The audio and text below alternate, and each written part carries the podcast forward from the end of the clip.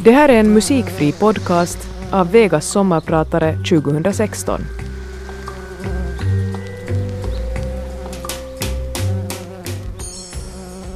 En vacker vårmorgon vågar jag mig ut på terrassen på kaffe.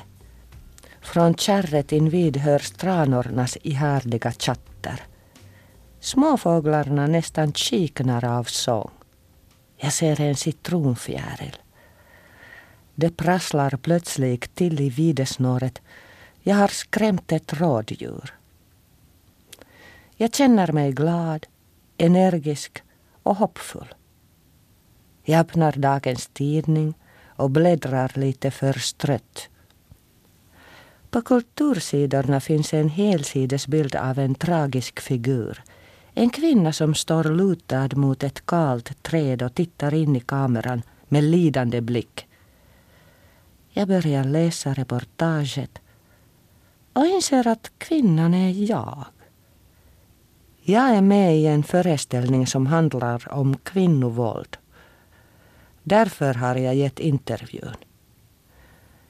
För att bildsätta den har man valt att visa mig med allvarlig uppsyn. Min hållning och bildens utformning framställer mig som ett offer. Som om jag var den där kvinnan som har blivit utsatt för våld. Journalisten intervjuade ändå mig, inte min rollfigur. Jag känner mig trött. Det är inte första gången det här händer. På ett sätt gillar jag att bilden som media gärna ger av mig skiljer sig från hurudan jag verkligen är. Men den här bilden känns som en stereotypisering av kvinnovåldsoffer. Dessutom känns den som en nedvärdering av min konstnärliga förmåga. Som att medierna drar ett likhetstecken mellan mig och mina rollkaraktärer. Som om jag inte skulle göra äkta val eller konstnärliga lösningar när jag skapar mina roller. Utan bara sådant som faller sig naturligt för mig. Som jag klarar av utan desto större ansträngning. Jag är Kati Outinen. Flicka med svavelstickorna och den sorgsna minen. Och idag är jag också din sommarpratare.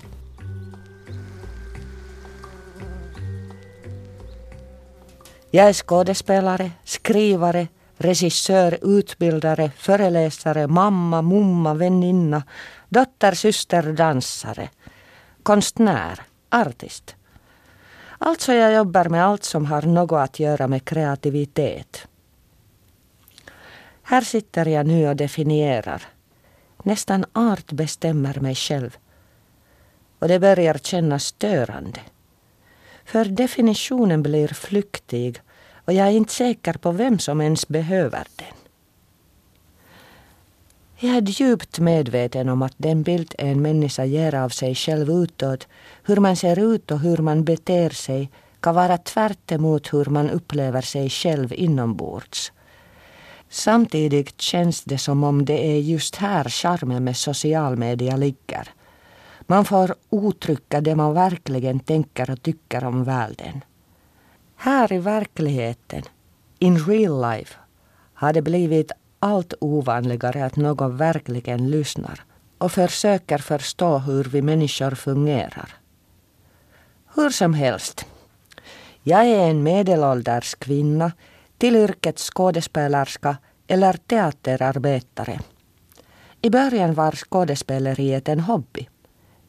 Egentligen var allt som hade att göra med teater det. I Ockelby samskolas teaterklubb gjorde vi allt själva. Vi valde pjäs och fanns det ingen som vi tyckte om så skrev vi och dramatiserade själva. Vi gjorde dräkterna och scenografin. Om rollen var dålig så skrev vi en bättre. Jag gjorde koreografi, jag spelade, sjöng, dansade. Jag var regiassistent och marknadsförare fast någon marknadsföring behövdes knappast. Alla i skolan måste se pjäsen. Jag njöt oerhört mycket av alla delar i projektet. Jag fick vara kreativ, lösa problem, skapa någon som jag själv stod bakom. När jag sedan blev färdig skådespelerska kändes det som om jag bara använde en bråkdel av min kapacitet.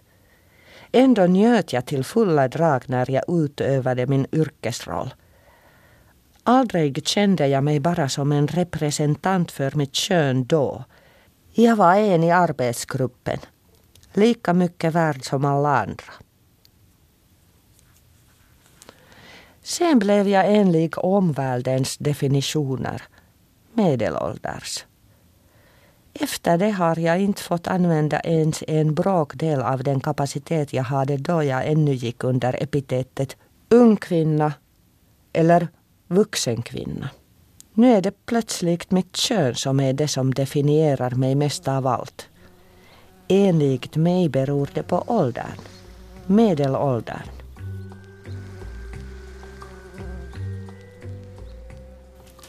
Av någon anledning har jag tagit för vana att svara nej rätt så tvärt när någon ber mig om något.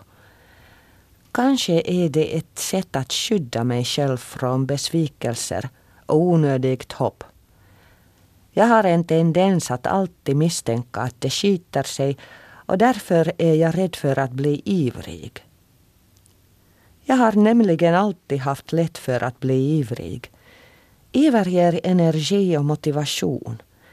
Det får svåra saker att löpa lättare.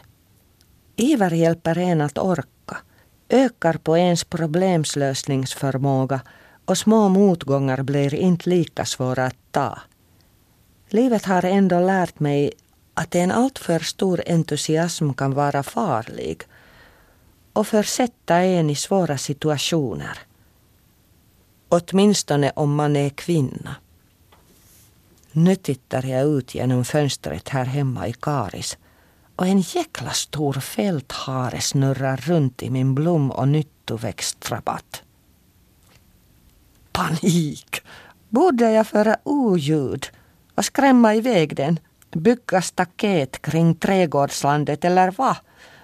Min koncentration spricker.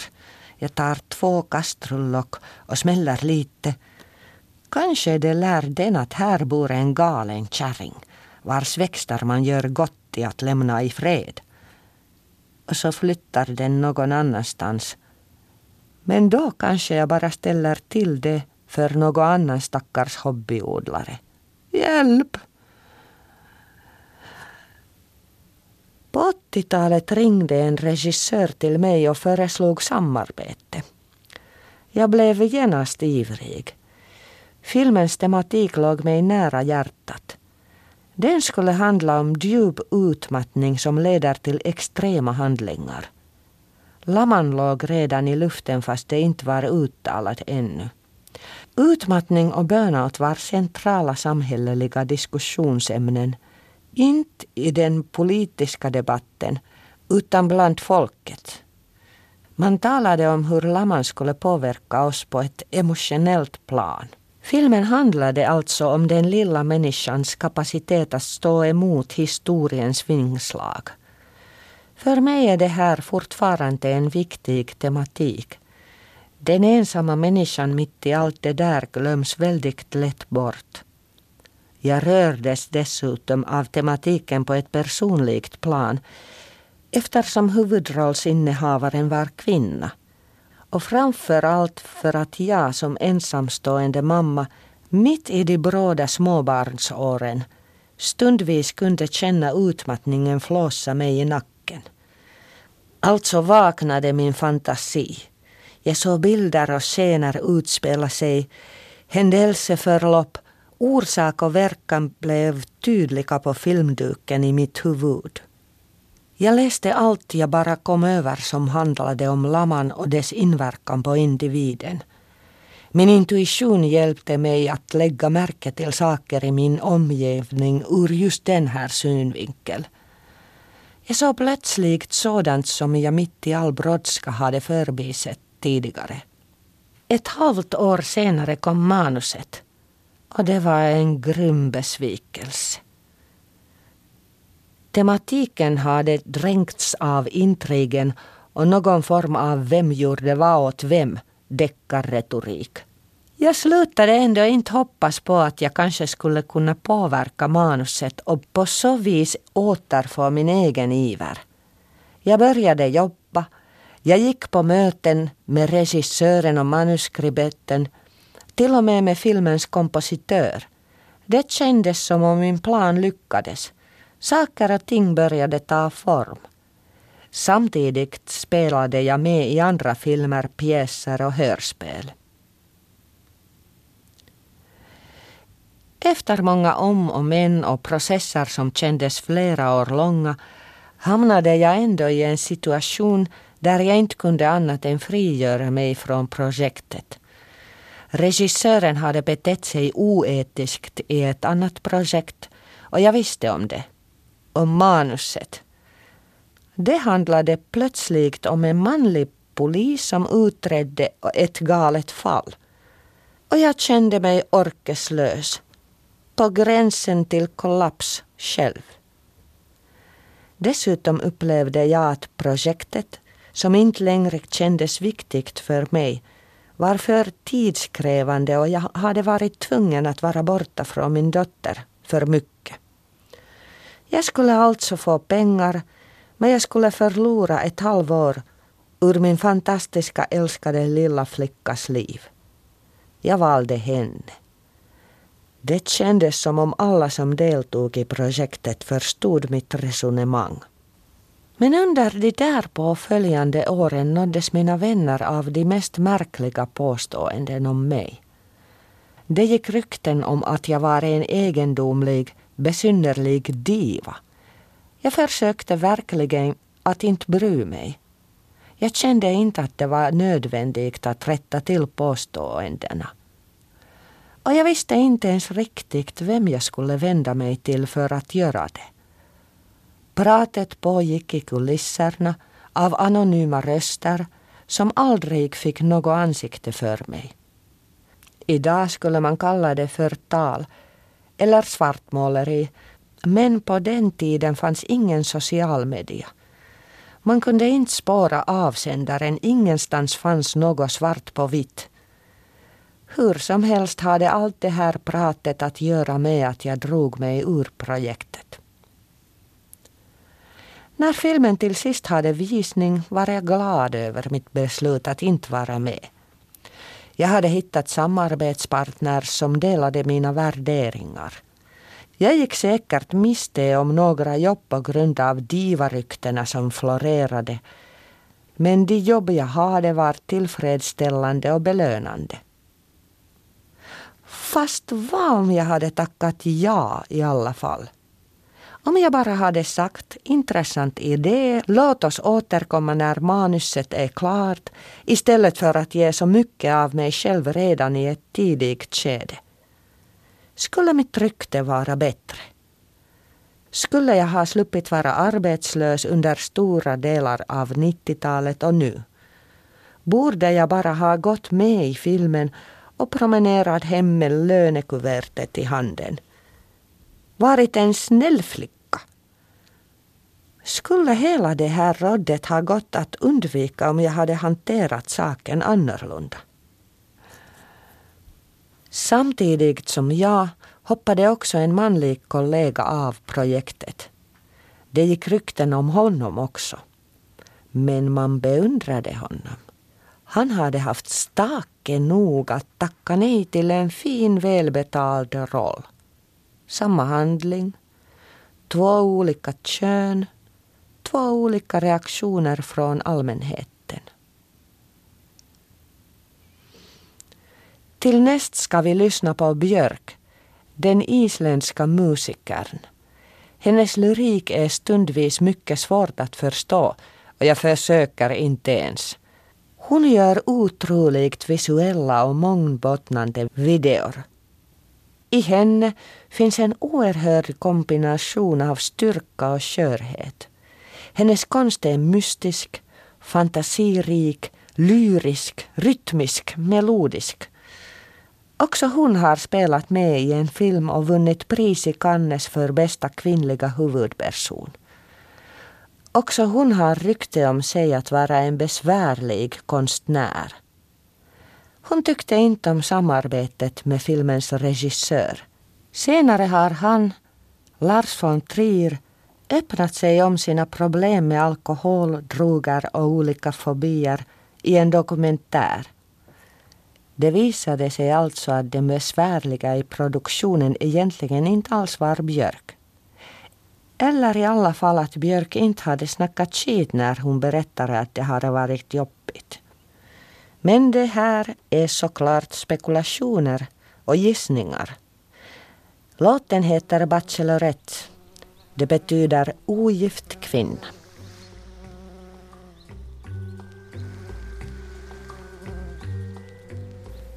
Jag heter Kati Outinen och jag är din sommarpratare idag. När jag tänker på det jag nyss berättade för dig om hur jag hoppade av filmprojektet och fick ett dåligt rykte på nacken känner jag en ångestladdad negativitet gripa tag om mig. Fast det har gått nästan 30 år sedan det inträffade. Jag blir matt och arg, sorgsen. Jag slungas tillbaka i tiden. Samtidigt funderar jag på just den här reaktionen. Jag har inte tänkt på det här på flera år. Jag har efter det jobbat med människor som på ett eller annat sätt varit involverade i projektet och det har gått hur bra som helst. Varför tusan började jag tänka på det där just nu? Jag joggar långsamt längs med landsvägen. Det har regnat och luften är fuktig. Det är lätt att andas. På åkern svassar ett tranpar runt. Ormvråkars gälla rop ackompanjerar mina steg. En lätt vind ruskar om löven i asp och björk. Jag är glad för att min kropp fungerar, för att jag kan njuta av att röra på mig. Jag börjar känna mig balanserad.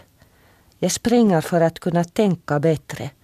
Det fungerar alltid på samma sätt. Först springer jag för fort. Jag har ett mål, att få en klarare tankegång. Jag irriterar mig på att tankarna har slagit knut på sig själv och arbetet inte verkar gå framåt. Sen blir jag andfådd. Det börjar kännas plågsamt att springa. Och jag lättar på tempot. Huvudet töms. Jag börjar se världen runt omkring mig. I något skede börjar idéer välla fram. Svetten lackar. Jag slappnar av. Jag är färdig att sätta mig framför datorn igen. Jag upplevde att jag blev orättvist behandlad i det där filmprojektet på 80-talet. Jag upplevde att man inte lyssnade på mig och inte ens gav mig en chans att säga min mening. Jag var genomskinlig. Man ignorerade mig. Hat. Det innebär att något är så viktigt att det väcker stora känslor. Likgiltighet leder till förringelse. En människa eller en sak är så obetydlig att det inte ens lönar sig att bry sig. Jag finns inte på social media. Huvudsakligen för att min tid och min energi inte räcker till.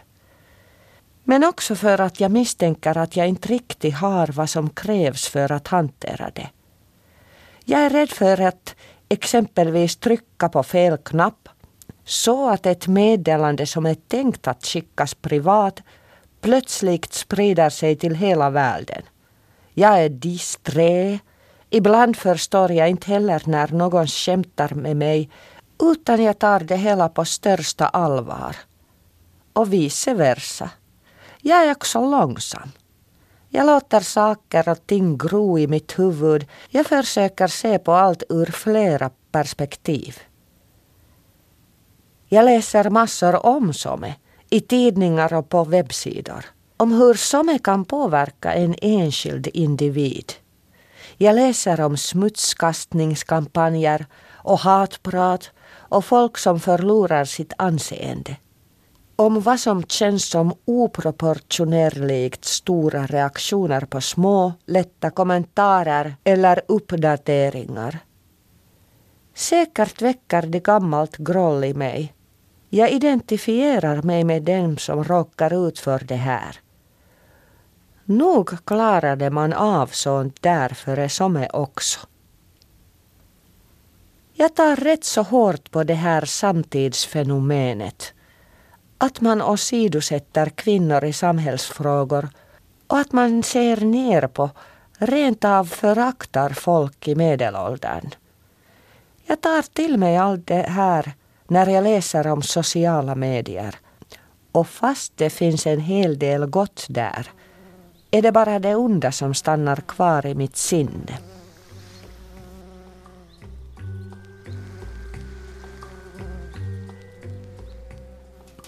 Jag är ute med mitt barnbarn.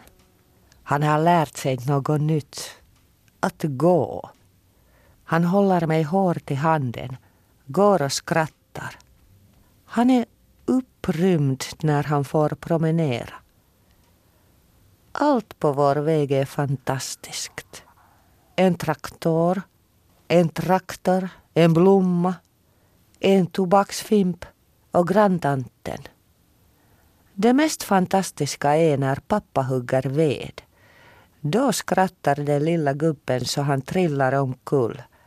Sen reser han sig genast och skrattar mera. Han försöker röra vid allt och allt ger honom en orsak att skjuta till av glädje. Det smittar av sig på mig. Jag skrattar med och känner en stor tacksamhet för att livet har gett mig möjligheten att uppleva också det här. I våras läste jag en filmrecension av en finsk film. Enligt recensenten var filmen otrovärdig eftersom huvudrollsinnehavarna, några 40-åringar, var för gamla för sina roller. Enligt skribenten slutar folk grubbla över existentiella frågor efter 30. Jag är 55 och jag grubblar fortfarande. Mycket mer intensivt än för 30 år sedan. Ett konstverk speglar alltid sin samtid. Det speglar eller utmanar strömningar från den tid det skapats i. Eftersom jag en medelålders kvinna är mina rollkaraktärer också det. De är oftast biroller i några enstaka scener. Gemensamt för dem alla är att medelålders kvinnan träffar en manlig huvudkaraktär som antingen via sina handlingar har hamnat i konflikt med sin egen syn på världen eller så, så har han något dispyt på gång med en grupp eller en enskild person och behöver någon form av råd. Akta dig för den där mannen. Han har makt och därför är han farlig. Eller omsorg. Sätt dig där så kokar jag en kopp te och plåstrar om såret i pannan. Eller bakgrundsinformation. Jag kan inte alltid hjälpa dig ur dina knipor som i fjol när du muckade gräl med hela avdelningen. Eller information. Är du hungrig? Modersrollen och hustruns roll är nästan alltid lika.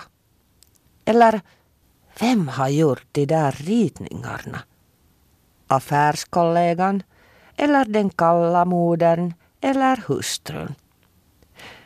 Eller kan du se till att få det gjort och bete dig sakligt? Bossen eller modern eller hustrun. De flesta karaktärer har inte ens namn utan står skrivna som äldre finsk kvinna eller moder eller den och dens hustru eller avdelningssköterskan. Scenerna utspelar sig oftast i köket eller i ett arbetsrum. Jag är klädd i blazer och byxor eller kjol och kragskjorta. Tolkningen ska antingen vara lätt gråtande och orolig men mild eller så bestämd, sammanbiten men djupt förstående. Och vad gör det? Jag har fått arbeta med många fina konstnärer. Men får jag utlopp för min fantasi och kan jag utnyttja min fulla potential i de här rollerna? Kan jag stå bakom det här? Och varför stör det mig egentligen? Det här är ju fiktion. Jag känner mig tvungen att konstatera att om man ska tro de här karaktärerna så är alla medelålders kvinnor tråkiga, stela och förutsägbara. De är dumma och får ångest av allt som inte följer rutinerna.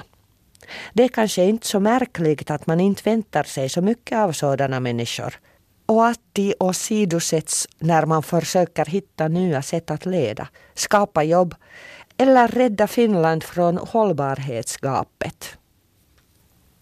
Å andra sidan är det fantastiskt att fortfarande kunna överraska folk när de minst anar det. Jag kan gå. Jag kommer upp ur stolen alldeles själv fast jag är över 50 år gammal. Jag har åsikter och en världsbild. Jag tar emot idéer. Jag kan skratta. Jag gestikulerar när jag talar och jag har fler än en min. Jag rekommenderar varmt att du gör Bechdel-testet nästa gång du ser en film, en tv-serie eller en pjäs. Testet går ut på att man försöker hitta en scen där A. Två namngivna kvinnor talar med varandra. B. De talar om något annat än en man. Testet är förvånansvärt svårt, för det finns så få sådana scener. Man måste titta på rätt så många verk innan man lyckas hitta poäng i Bechdel-testet. Det blir snabbt uppenbart vilken sorts världsbild och inte minst kvinnobild filmvärlden återspeglar.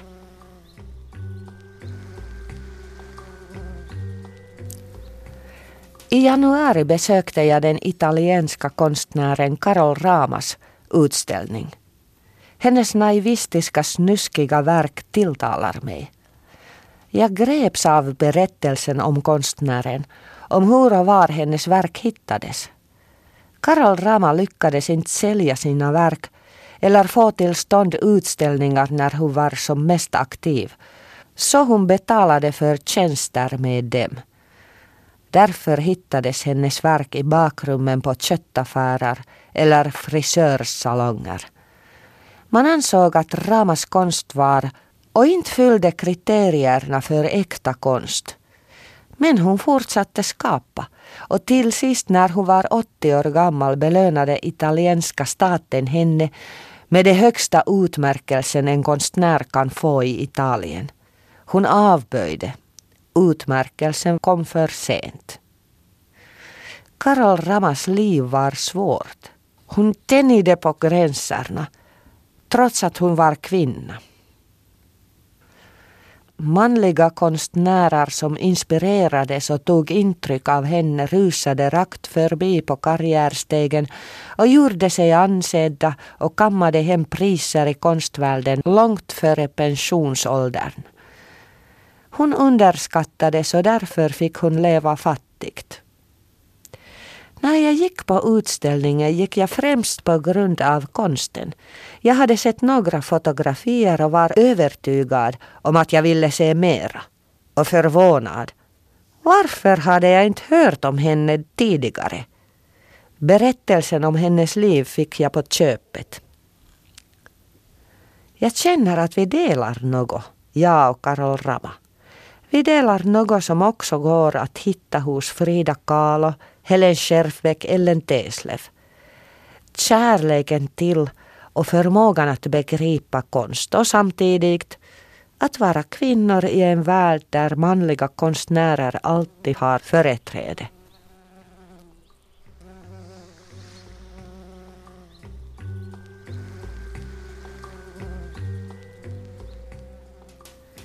Om man vill ha en bra roll så måste man skriva den själv. Jag har återvänt till början av min karriär. Hösten 2014 skrev jag monologen niin kauas kuin omat siivet kantaa, så långt de egna vingarna bär. Den handlar om en för mig viktig sak, minnet. Jag granskar minnet genom minnesstörningen, minnessjukdomen.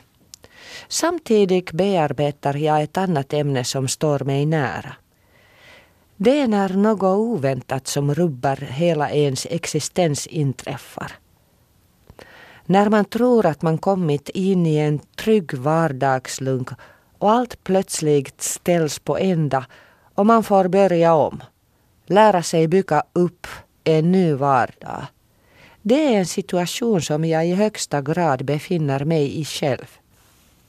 När jag slutade jobba som professor i skådespelarkonst år 2013 visste jag att man sällan har nytta av medelålders kvinnor i min bransch. Men det kom ändå som en fullständig överraskning för mig hur få roller det fanns och hur ensidiga de var. Det tog alltså länge för mig att skapa mig en egen konstnärsidentitet. Min vardag som konstnär har förändrats helt och hållet. Jag har alltså återvänt dit där teater började för mig. Jag skriver, jag regisserar, jag gör scenografi och dräkter, jag planerar ljudvärlden. Jag får använda hela min kapacitet och jag njuter igen något alldeles oerhört. Och när jag spelar på äldreboenden träffar jag alldeles fantastiska människor. Tacken för mig är alla nya berättelser jag får höra, alla nya bekantskaper, alla möten med olika branscher och världsbilder. Människor från olika håll i landet. Vi har en gemensam upplevelse, något vi delar. Det är fantastiskt. Om jag skulle göra ett nytt försök att definiera mig själv. Jag är konstnär, jag arbetar kreativt, jag är min egen arbetsgivare.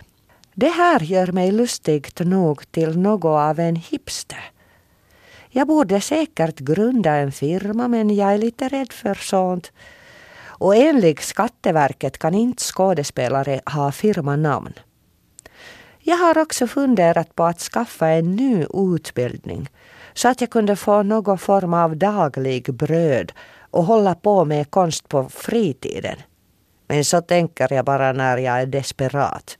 För jag får fin respons på mitt kreativa arbete hela tiden. Varje vecka träffar jag folk på gatan, vid grönsaksdisken i butiken, var som helst, som har berörts av något som jag medverkat i. Det är av dem jag får kraft och tack vare det som jag orkar hålla på här i marginalen. Och det tänker jag orka ännu längre. Jag håller äntligen på att lära mig att ge tid åt sådant i livet som jag verkligen uppskattar. Sådant som har format den världsbild som jag bygger min konstnärliga verksamhet och mina val på. Det är klart att min världsbild ständigt är i rörelse. Jag samlar hela tiden mera information och lär mig nya saker. Jag kan ha en åsikt som förändras eller fördjupas. Jag ger mig själv tid för mitt barnbarn, för vänner, för svampplockning, för att sticka sockor och röra på mig. Jag ger mig själv tid för att bara titta på världen och tänka ostört. Jag har inte stigit ur ekorrhjulet. Jag springer fortfarande runt men jag ordnar min tid på ett nytt sätt. Och för att återgå till början av det här sommarpratet och känslan av att bli orättvist behandlad. Man kommer över det. Man lär sig leva med det. Det är ingen unik händelse. Det kan hända igen. Jag har lärt av det och det har format mig till den jag är nu. Delvis har färgerna kring händelserna bleknat, men inte helt. Det är inget som definierar mig, men det har hjälpt mig definiera vem jag vill vara och vilken typ av människor jag helst har att göra med. Det har hjälpt mig hitta sådant i livet som jag verkligen värdesätter. Jag önskar inte att det ska hända igen, men Om det är oundvikligt tar jag emot och säger ja. Man kan ju aldrig veta om det hela utmynnar i en pjäs eller ett rollarbete eller ett sommarprat. Igår promenerade jag runt Gammelstadsfjärden. Solen sken, det var vindstilla. Där var som en hel folkvandring. Fågelskådare, joggare, mor och farföräldrar på picknick med sina barnbarn, fiskare, stavgångare, cyklister. En lätt känsla i luften efter den tunga vintern. Det var fint att träffa andra livsnjutare. Man behöver inte mycket för att må bra, känna sig så där lätt. En mötandes leende, en gemensam glädje över ljuset och värmen. Det är enkelt att säga ja med stort hjärta till livet med allt vad det innebär. Och så en liten epilog. Igår kväll ringde en vän till mig. Hon var upprörd och ledsen. Hon hade läst resultatet av en intervju hon gett nyligen. Reportern hade fokuserat på saker som kändes fullständigt sekundära för henne. Hon kände inte igen sig själv i reportaget. Jag vågade inte fråga om hon ens kände igen sig själv på bilden. Så här är det. Vi kommer inte ifrån andra människors tolkning av oss. Vi kommer inte ifrån vad andra människor ser som betydelsebärande i det vi väljer att berätta om oss själva, om världen. Det är andra människor som skapar vårt anseende och det går inte alltid ihop med vår egen inre bild av oss själva. Vi lever tillsammans med andra människor och det är kanske det bästa och det värsta som finns.